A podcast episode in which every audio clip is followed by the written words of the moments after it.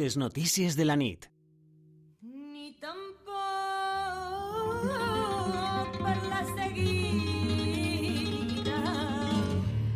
La veu és habitualment la ferramenta per a comunicar-nos. Podem escriure, podem gravar vídeos, però normalment és a través de la paraula oral que intercanviem de manera directa idees, informació, conceptes, sentiments i, i tot allò que se'ls ocorrega. Però el ben cert és que no tot el món pot comunicar-se així o no ho pot fer d'una manera, podríem dir, clara. I per tant necessiten ajuda per a transitar cap a una millor comunicació oral. I en este punt entra en joc la logopèdia. De segur que ens sona i que tenim una idea general sobre a què es dedica, però els ho recordem, la logopèdia és una disciplina sanitària que s'encarrega de l'estudi, la investigació, la prevenció, la detecció, l'avaluació, el diagnòstic i el tractament també de trastorns i alteracions de la comunicació i les funcions orals no verbals, tant en la població infantil com en l'edat adulta. Un suport fonamental per al desenvolupament i la inclusió social de les persones, per exemple, en trastorns de la comunicació, una professió que, encara que parega llunyana en el temps, és relativament jove a les universitats. De fet, en estos últims mesos se celebren els 25 anys dels estudis de logopèdia a la Universitat de València. I per commemorar-ho, fins al divendres 23 de febrer, es pot contemplar a la Sala de Cristall de la Facultat de Psicologia l'exposició Dones que donen paraula, una excusa perfecta per a aprofundir en esta professió, Sara. Sí, Alba, és una ocasió que ens ve com oli en un cresol, perquè la mostra Dones que donen paraula ens acosta les narratives en primera persona de les logopedes pioneres a l'estat espanyol i així en trobem una que va estar en el lloc adequat en el moment adient, portada, això sí, fruit de la inquietud.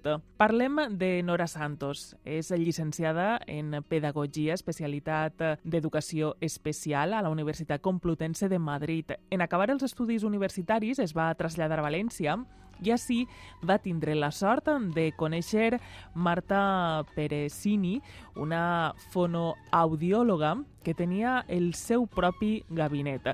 Allí, primer com a becària i després com a treballadora, va descobrir el món de la logopèdia i s'hi va apassionar. Apenes va aparèixer l'especialitat, va cursar el màster de logopèdia a la Universitat de València. Paral·lelament, es va crear com a experiència pilot les primeres places de logopedes itinerants dels ESPE, dels serveis psicopedagògics escolars de la comunitat valenciana. Se'n va pujar al tren sense dubtar i no se'n va baixar fins a la jubilació, ara fa aproximadament, podem dir, uns sis anys. I en este punt no podem més que donar-li la benvinguda a Nora Santos. Bona nit. Hola, bona nit.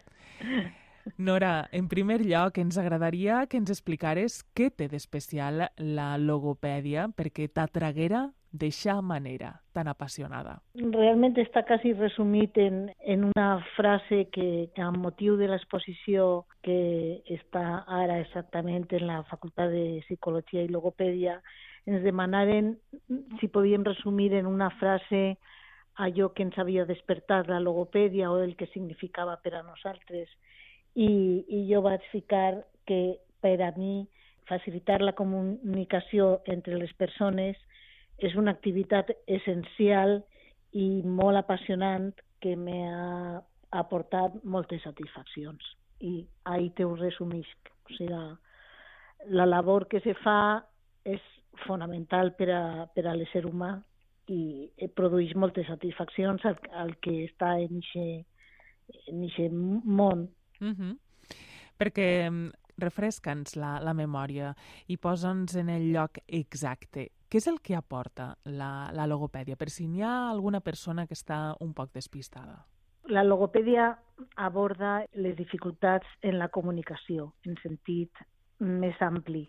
Abarca des de les dificultats eh, en la veu, una part més mèdica, tot el tema de disfonies, tot el tema de laringectomies, fins a el problema de, del món del trastorn del respecte autista, on la comunicació eh, s'aborda des d'un altre punt de vista completament diferent.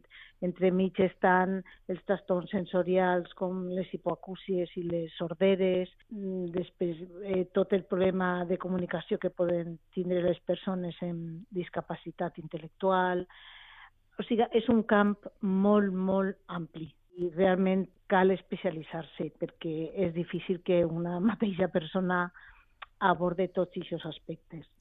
I en què et vas especialitzar tu? En, en infantil o també per a Sí. persones adultes? Vaig treballar al principi en persones adultes també, però bueno, l'azar i les casualitats m'han portat més al món infantil, en problemes greus problemes greus de llenguatge, que també pot ser un problema per a una persona no pronunciar la R, però no és tan greu, evidentment. Uh -huh. Nora, com hem dit abans, um, has sigut pionera en logopèdia a la comunitat valenciana. De fet, quan es van crear els ESPE, com uh, que eren places noves i que no es pareixien a la resta, vau haver eh, d'unificar criteris i marcar pautes perquè les vostres intervencions foren el més eficient possibles.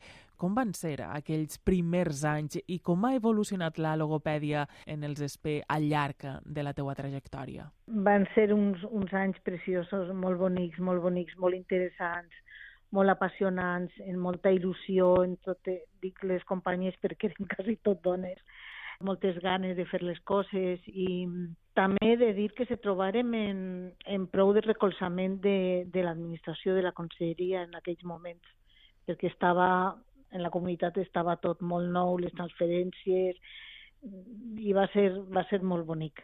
Clar, començàrem molt poques persones treballant, aleshores es, es prioritzava els casos més greus.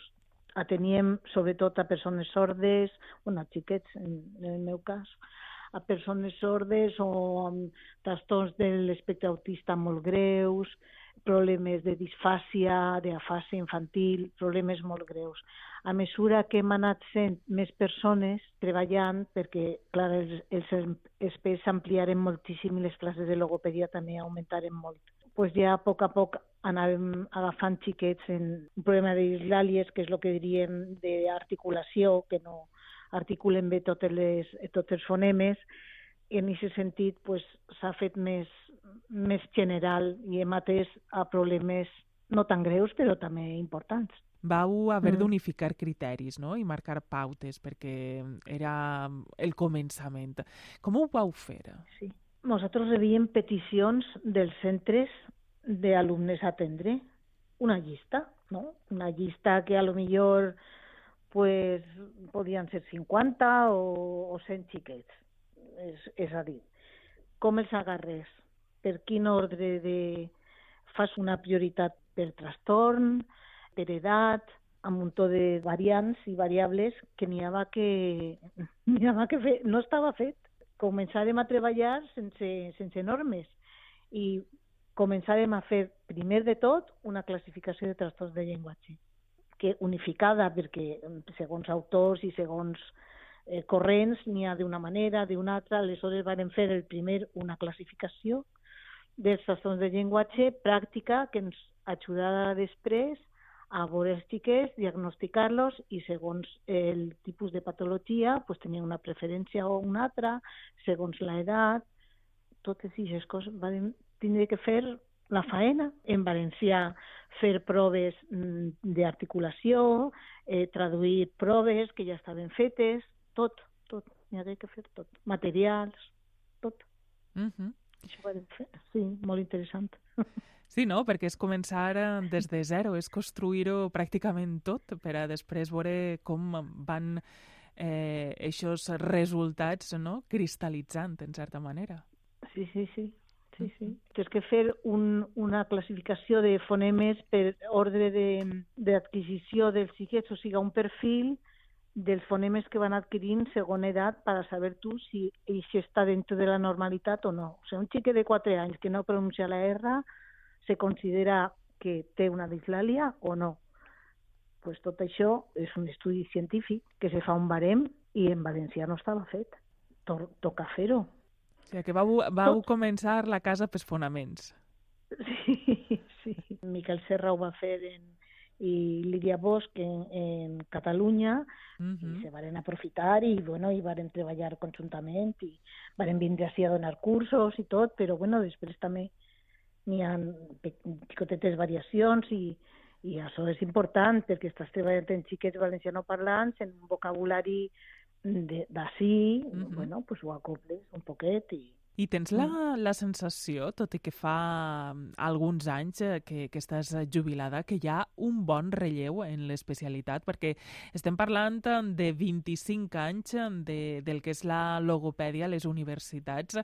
En, en aquests 25 anys, consideres que hi ha un bon relleu? S'ha avançat molt, molt perquè nosaltres hem hagut de buscar-nos la vida, com si diguérem, i d'una manera molt autodidacta, i ara pues, els estudiants i les estudiantes ho tenen molt més fàcil. No vol dir que per això es tinguin menys mèrit, però que ho tenen més reglat, més organitzat, poden fer pràctiques i jo crec que el relleu està, està garantit. Eh, el que passa és que en la conselleria mm, els experts ja t'he dit que han desaparegut i ara n'hi ha un altre tipus d'atenció logopèdica que n'hi ha una logopeda en, en cada centre. I és un, un canvi prou substancial perquè n'hi ha més atenció mm, per a un centre, no com nosaltres que érem itinerants, i és cap a on va per a fer-ho més, més normal, com si diguérem, no? No, uh -huh. no una cosa tan excepcional. Fins al 23 de febrer es pot contemplar a la sala de cristall de la Facultat de Psicologia l'exposició dones que donen paraula. Què ens aporta esta mostra a les persones que, que s'hi acosten a veure-la? Mm, és un reflexe de que n'hi han professions que no, no naixin així d'un dia per a l'altre, que abans no existien i ara ja s'han creat els estudis, sinó que és una mostra de, de com moltes vegades les coses se van fent a poc a poc perquè el currículum de les persones que estem allí ho reflexa així i, i a poc a poc això ha anat cristal·litzant i al final s'han creat els estudis i te dona una visió de com ha sigut la vida d'aquestes mm, pioneres, no?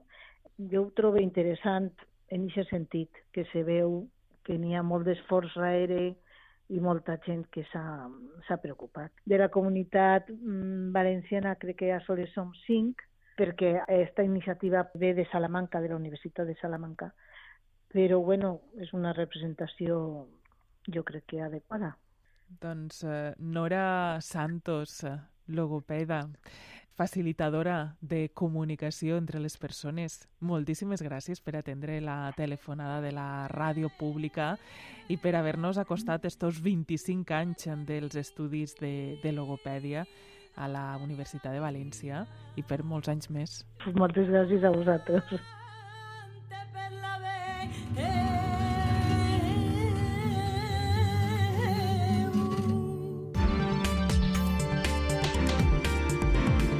Escoltes a punt, les notícies de la nit.